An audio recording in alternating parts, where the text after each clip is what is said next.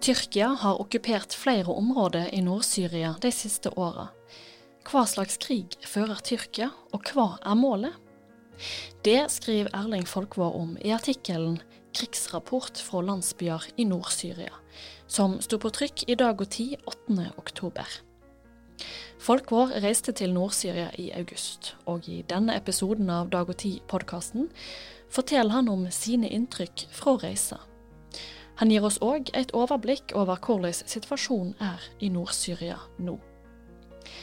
Den tyrkiske ambassaden har fått tilsendt artikkelen Folkvår skrev etter reisa si. Svaret deres kan du høre helt til slutt i denne episoden.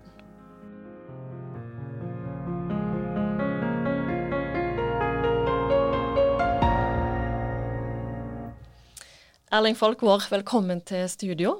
Takk for det. Du er styremedlem i organisasjonen Solidaritet med Kurdistan, men du representerer ikke den eh, organisasjonen her i dag.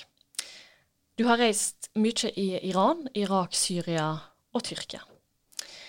I august i år så var du på reis i Nord-Syria, og der snakka du med sivile. Mellom annet så fikk du en journalist i avisa Ronahi til å samle alle meldingene om angrep på sivile i august. Ronahi da er en avis som blir utgitt på arabisk og kurdisk. Og så vil jeg gjerne også si at Tyrkia okkuperer òg området i Nord-Irak. Eh, men jeg tenkte at vi kunne holde oss til Tyrkia og Nord-Syria i dag. Og aller først så lurer jeg på, kan du bare kort gi oss et lite inntrykk av hvordan det var å reise der? Jeg, jeg kom jo ikke inn i de okkuperte områdene. Jeg var uh, tett innpå frontlinja mot det okkuperte. Og eh, det Altså, det verste er jo at eh, de stadige angrepene mot um, uh, landsbyer med bare sivilbefolkning Ja, folk eh, vet ikke. Uh, er det vi som blir angrepet i dag? Uh, vet ikke når det kan skje. Mm. Det er nok det, det trasigste. Og det å stadig ha lyden av ei drone over huet, det, det skaper frykt. Mm. Må gå noen steg tilbake her og zoome litt ut på situasjonen. For eh, du har skrevet en artikkel i Dag og Tid mm. 8.10 som heter 'Krigsrapport fra landsbyer i Nord-Syria'. Og der er det et kart mm. over nordlige og østlige Syria. Eh, og her kan vi se at det er flere områder som jeg nevnte, som er okkupert av Tyrkia etter invasjoner i 2016, 2018 og 2019. Og I tillegg så ser vi at det er et område som er kontrollert av Syrias demokratiske styrker, SDF, og et veldig stort område som er kontrollert av den syriske regjeringshæren. Eh, hva er det som skjer i dette området nå? Mm. Det det skjer mye. Og for å begynne med Syrias demokratiske styrker, som du nevnte, som de kontrollerer ja, nesten en tredjedel av arealet i Syria. Det starta for en god del år siden som en kurdisk militær styrke. I dag er det en, en flernasjonal styrke der de to store grupperingene er arabere og kurdere, og så er det mindre eh, avdelinger med folk fra andre, andre minoriteter. Og de, eh, de, de, her SDF, det var de som nedkjempa islamsk stat. For um, islamsk stat som kontrollerte svært stor del av Syria, ble uh, nedkjempa våren 2019 og har ikke lenger noe areal der. Så har du um, da de eh, okkuperte områdene. Det er da, som du nevnte, resultatet av tre tyrkiske invasjoner i de siste fem årene. Tyrkia har dermed seg etablert et um, okkupert, kall det et belte, langs grensa, som dekker nok um, mer enn halvparten av statsgrensa mellom Syria og, og Tyrkia. Og, så, og det, fra det området som er okkupert, så skjer det stadig skyting med ulike våpen mot uh, de områdene som er særlig mot sivilbefolkning i det området som ellers er kontrollert av Syrias demokratiske styrker. Mm. Så kanskje nevn også at uh, den syriske regjeringshæren har jo fått kontroll over større og større deler av uh, Syria, som har vært uh, herja av ulike jihadistgrupper i mange år. Mens det, er, det er ikke krig mellom regjeringshæren og Syrias demokratiske styrker. Mm. Det er konflikt, men ikke krig. Men hva er da SDF ønsker Syrias demokratiske styrker? Det er, den militære styrken til um, selvstyreadministrasjon i Nordøst-Syria, som er det offisielle navnet de bruker i dag. Den militære styrken til den politiske ledelsen i området. Altså, de har bygd opp uh, en ny samfunnsordning i løpet av de senere årene. Slik starta i, i det små i 2012. Altså, de to særtrekkene ved det er at uh, alle befolkningsgrupper har samme rett og plikt til å delta i styre og stell. Syria er ikke bare kurdere og arabere, det er et lappeteppe av nasjonaliteter. Så eh, samme rett og plikt for alle. Og det andre er at de um, flytter makt eh, fra menn til kvinner. Det er, for å si det forsiktig, uvanlig i Midtøsten. Og eh, de har laga et styringssystem som er slik at ledervervet det deles mellom en mann og en kvinne. De bruker et begrep som vi kan oversette til norsk som medledere. Og eh, de har bygd ut slik at det, det er fremdeles ikke ferdig utbygd, men eh, det er i stor grad utbygd, og det funker f.eks. i den store byen Raqqa, som eh, var på besøk. Det er jo den, det som var kalifathovedstaden for IS. Der er det nå ei kurdisk dame og en arabisk mann som er, er medledere i bystyret. Også i, så finner du samme systemet på ulike nivå nedover i si, kommuneadministrasjon. Mm. Men disse, denne, denne selvstyrte, dette selvstyrte området, der STF mm. eh, styrer, mm. de blir jo, som du sa, angrepet av Tyrkia. Mm. Hva slags krig er det Tyrkia fører mot Nord-Syria? Jeg kan dele det i to. Og den ene delen handler om å ødelegge det nye styringssystemet, der eh, kvinner har fått makt, og der alle folkegruppene er likestilt. For begge deler er et, eh, en, oppleves som en trussel fra president Erdogan i Tyrkia. Men han sier det jo selvfølgelig ikke med de ordene jeg bruker. Han sier at han fører en krig for å nedkjempe terroristene som nå uh, styrer dette området. Og det er et terroristregime som han sier er en trussel mot Tyrkia. Så um, han sier at han uh, da fører krig for å hindre at uh, terroriststyret skal spre seg i Syria, og i verste fall komme over grensa til Tyrkia. Men Ser han på SDF som terrorister, eller ja, er det bare ja. ja. Men hva med PKK? Eh, han sier kurdiske... at um, eh, PKK, altså det kurdiske Arbeiderpartiet, som jo ble oppretta i Tyrkia for over 40 år siden, han, han sier jo at dem og eh, ledelser i Nordøst-Syria er ett av det samme. Mm. Er det andre, har de andre motivasjoner til å Ja, ja jeg, jeg, glemte av den andre i stad.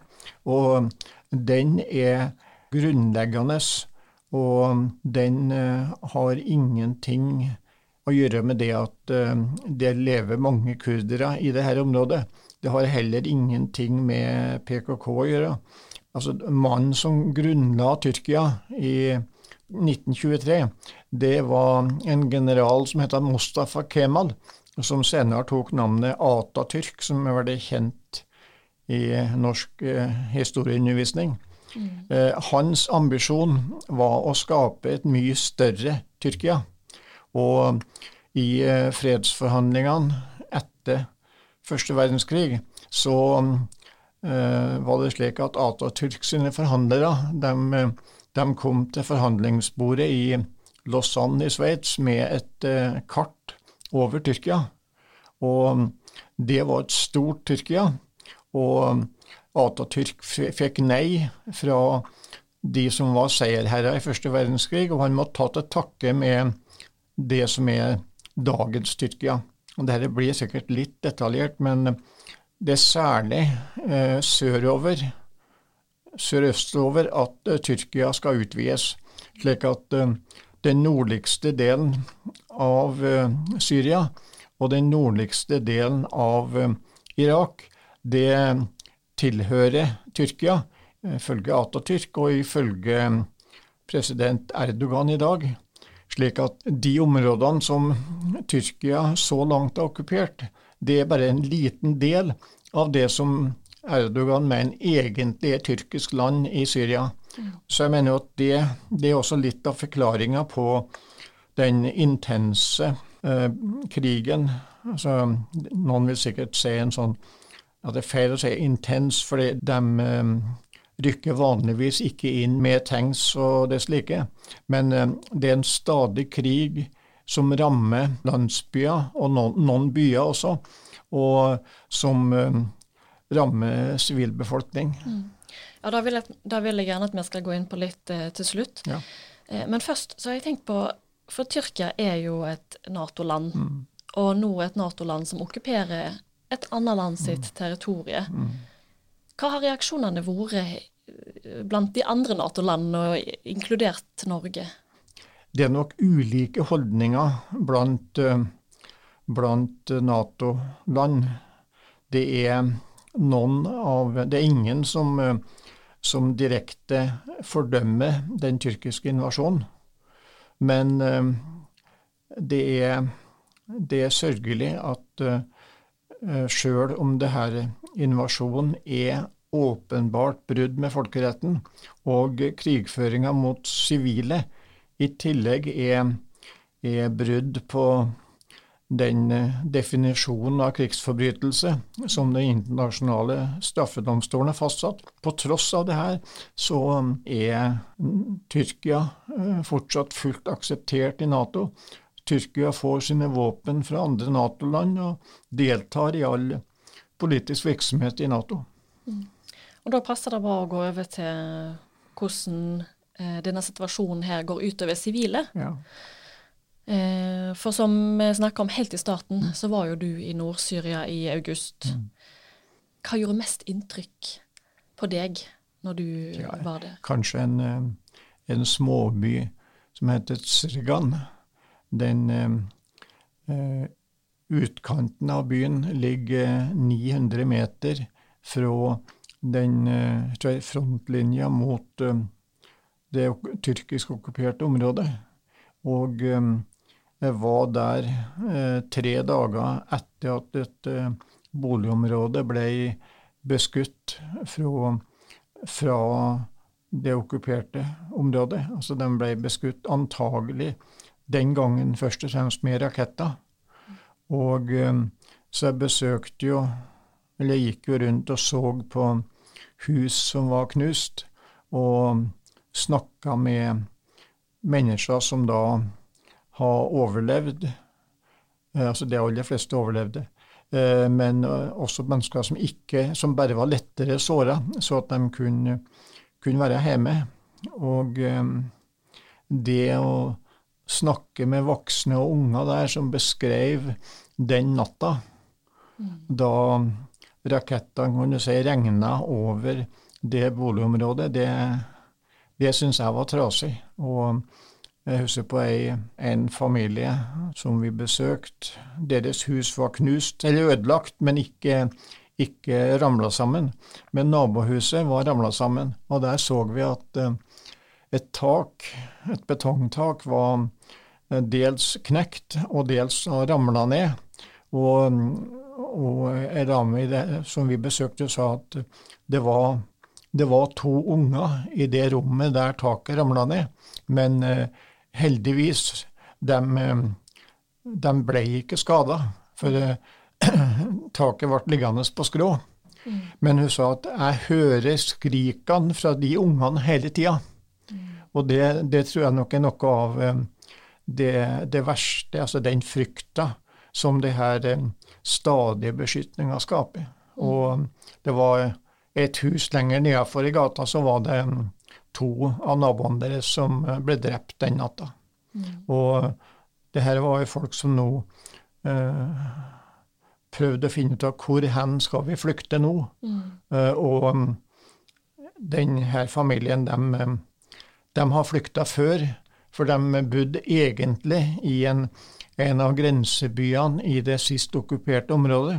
Og de har måttet ha forlatt hus og hjem der, og nå innså de jo at de var nødt til å, å ja, reise igjen, men de visste ikke hvor hen.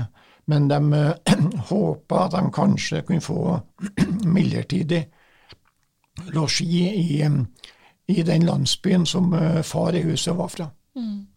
Den journalisten som du snakka med mm. i Ronahi, mm. eh, som skulle gi deg meldinger mm. om mm. angrep på sivile. Er det mange av disse angrepene? Ja, eh, det er det. Og altså, hun eh, tok på seg det som jeg spurte om, sjøl om jeg forsto at det var en stor jobb. Så hun, hun og en kollega utarbeidet en rapport på 14 sider, som da beskriver dag for dag eh, hva, hva for noen landsbyer som er utsatt for ulike typer angrep. Og det i den rapporten er det navn på 121 eh, landsbyer og byer. Og noen av dem blir, har blitt angrepet si, dag etter dag mm. og til ulike tider av døgnet, mens andre har vært utsatt bare for ett angrep. Mm. Er den informasjonen du har fått til å stole på, vil du si? Altså, i all krig så er det minst to sider, og som har to ulike versjoner. Det er nå ett utgangspunkt.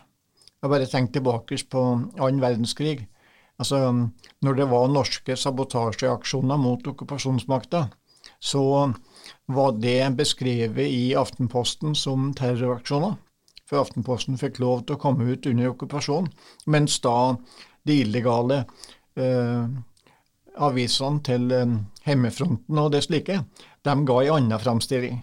Så er det, de, altså om det var 121 eh, landsbyer som ble angrepet, eller om det var 115, eller om det var 127, det, det kan ikke jeg være sikker på. Det er Den rapporten er laga av journalister som er motstandere av okkupasjon. Men um, altså, jeg reiste jo ganske mye rundt omkring, og jeg så jo uh, spor av um, ulike angrep. Og jeg så jo plasser der um, skog eller var nedhogd av tyrkiske soldater eller leiesoldater. Uh, er jeg jo ikke i tvil om Jeg er sikker på at det er en omfattende uh, krig mot sivile.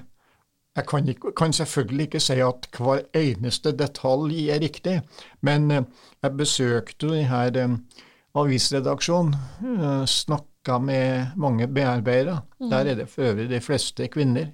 Og det virka som seriøse folk som innhenta rapporter. De har jo egne medarbeidere uh, mange plasser i det sjølstyrte området, og de har um, sine personer som da tar sjansen på å være informanter fra de um, okkuperte områdene. Mm. Slik at jeg stoler på at det her er dekkende, da. Vel vitende om at det er, det er motstandsbevegelser, som vil, dem som vil hive ut okkupanten, som jeg har snakka med. Mm, mm. Når du har vært i et sånt krigsherja område, og vi hørte jo nå eh, disse fortellingene som eh, mm. du ble fortalt, og mm. da du så, hvordan er det å komme tilbake til Norge etter en sånn tur? Nei, hva, hva, skal jeg si? Altså, det um, Jeg har jo altså synsinntrykk som sitter fast i, i huet mitt. Og det er jo noen av samtalene som, som blir der. Og det altså bare, altså Jeg tror nok jeg fortrenger ganske mye av det, fordi at det er, det er for trasig å tenke på. Og det er jo militære anlegg eh, som tilhører STF også. Vi var innom på besøk der i, et, i en militær eh, leir, kan du si, en av de første kveldene. Og da eh, klokka sju den kvelden så ble, så ble vi avbrutt fordi at eh, det kom ordre om eh, høgste beredskap. Så vi måtte forlate den leiren. Og da fikk vi høre like etterpå at én en person der ble drept i et uh, droneangrep den kvelden. Mm. Og det, det, er jo da altså ikke angrep på sivile. Det er okkupasjonsmakta som angriper eh, de som eh, prøver å gjøre militær motstand. Men det var nå et menneske. Og ja, og dem som dem vi satt og prata med, dem eh, mista en god venn den kvelden. Mm. Et annet sted en, ja, tilsvarende i, i en like ved en by, by, som heter Tel Tamir. Det er også nært det okkuperte området. Og der um, hadde også vært et angrep mot um, eh, kontora som tilhørte SDF. Jeg tror ikke Det var ikke en militærleir, men det var kontora som tilhørte dem. Treffsikre angrep. Uh, Tyrkia er presis. Og han som vi satt og prata med, han sa at uh, det er jo så rart. I uh, tre av mine venner de satt jo her i går kveld, altså i de stolene som dere sitter nå. Og nå har vi akkurat begravd dem. Mm. Og det, ja, altså det er det er også sånne inntrykk som blir sittende igjen. da. Mm. Ser du noen løsning på denne konflikten? Eh, ja og nei. Altså, den Det her er krig som skriver seg fra den kunstige oppdelinga av Midtøsten etter første verdenskrig. Det har ikke vært ett år med fred på de hundre årene. Eh, så det, det er ikke noe løsning i sikte på, eh, på noen få år. Men eh, altså hvis, hvis okkupasjonsmakta blir tvinga til å forlate Syria, så tror nok jeg at befolkninga i Syria vil være i stand til å, å forme sin egen framtid uten bruk av våpen.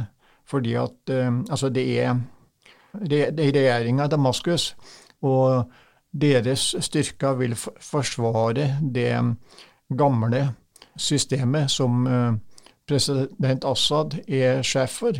Og de, de, de som leder det selvstyrte området, de vil, de vil eh, ja, har en ny demokratisk samfunnsordning med makt til kvinner.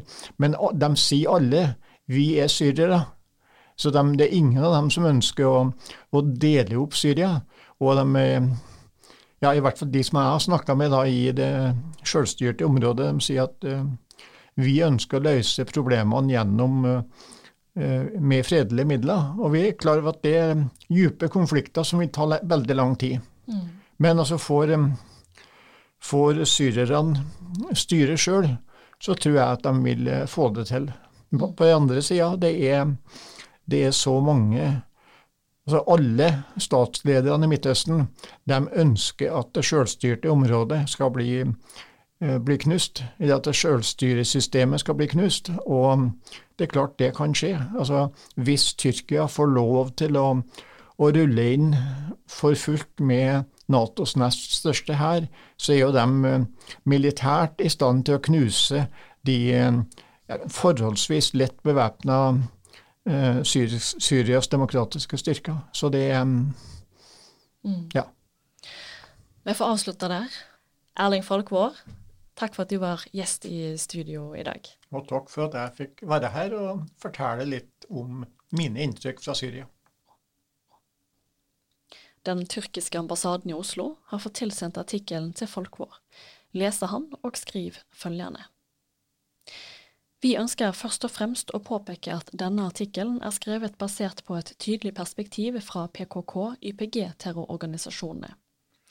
PKK-YPG-terrororganisasjonenes medier er angitt som kilder til hendelser som påstås i artikkelen.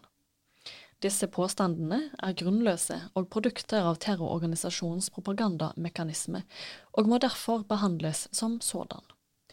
Rapporter fra internasjonale ikke-statlige organisasjoner som Human Rights Watch og artikler i internasjonale medier om menneskerettighetsbrudd fra terrororganisasjonen PKK, PYD, YPG er mange.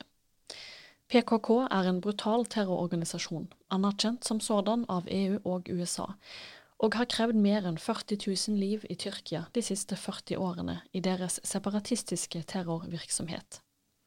PYD-YPG er en syrisk gren av PKK-terrororganisasjonen. Med vennlig hilsen den tyrkiske ambassaden i Oslo.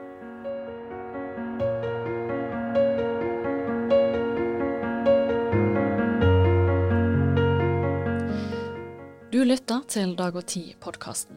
I studio denne veka var jeg, Sofie Mai Rånes. Har du tilbakemeldinger på podkasten vår? Send gjerne en e-post til sofie.krøllalfa.dagogti.no. Vi er tilbake neste veke. Takk for at du lytta.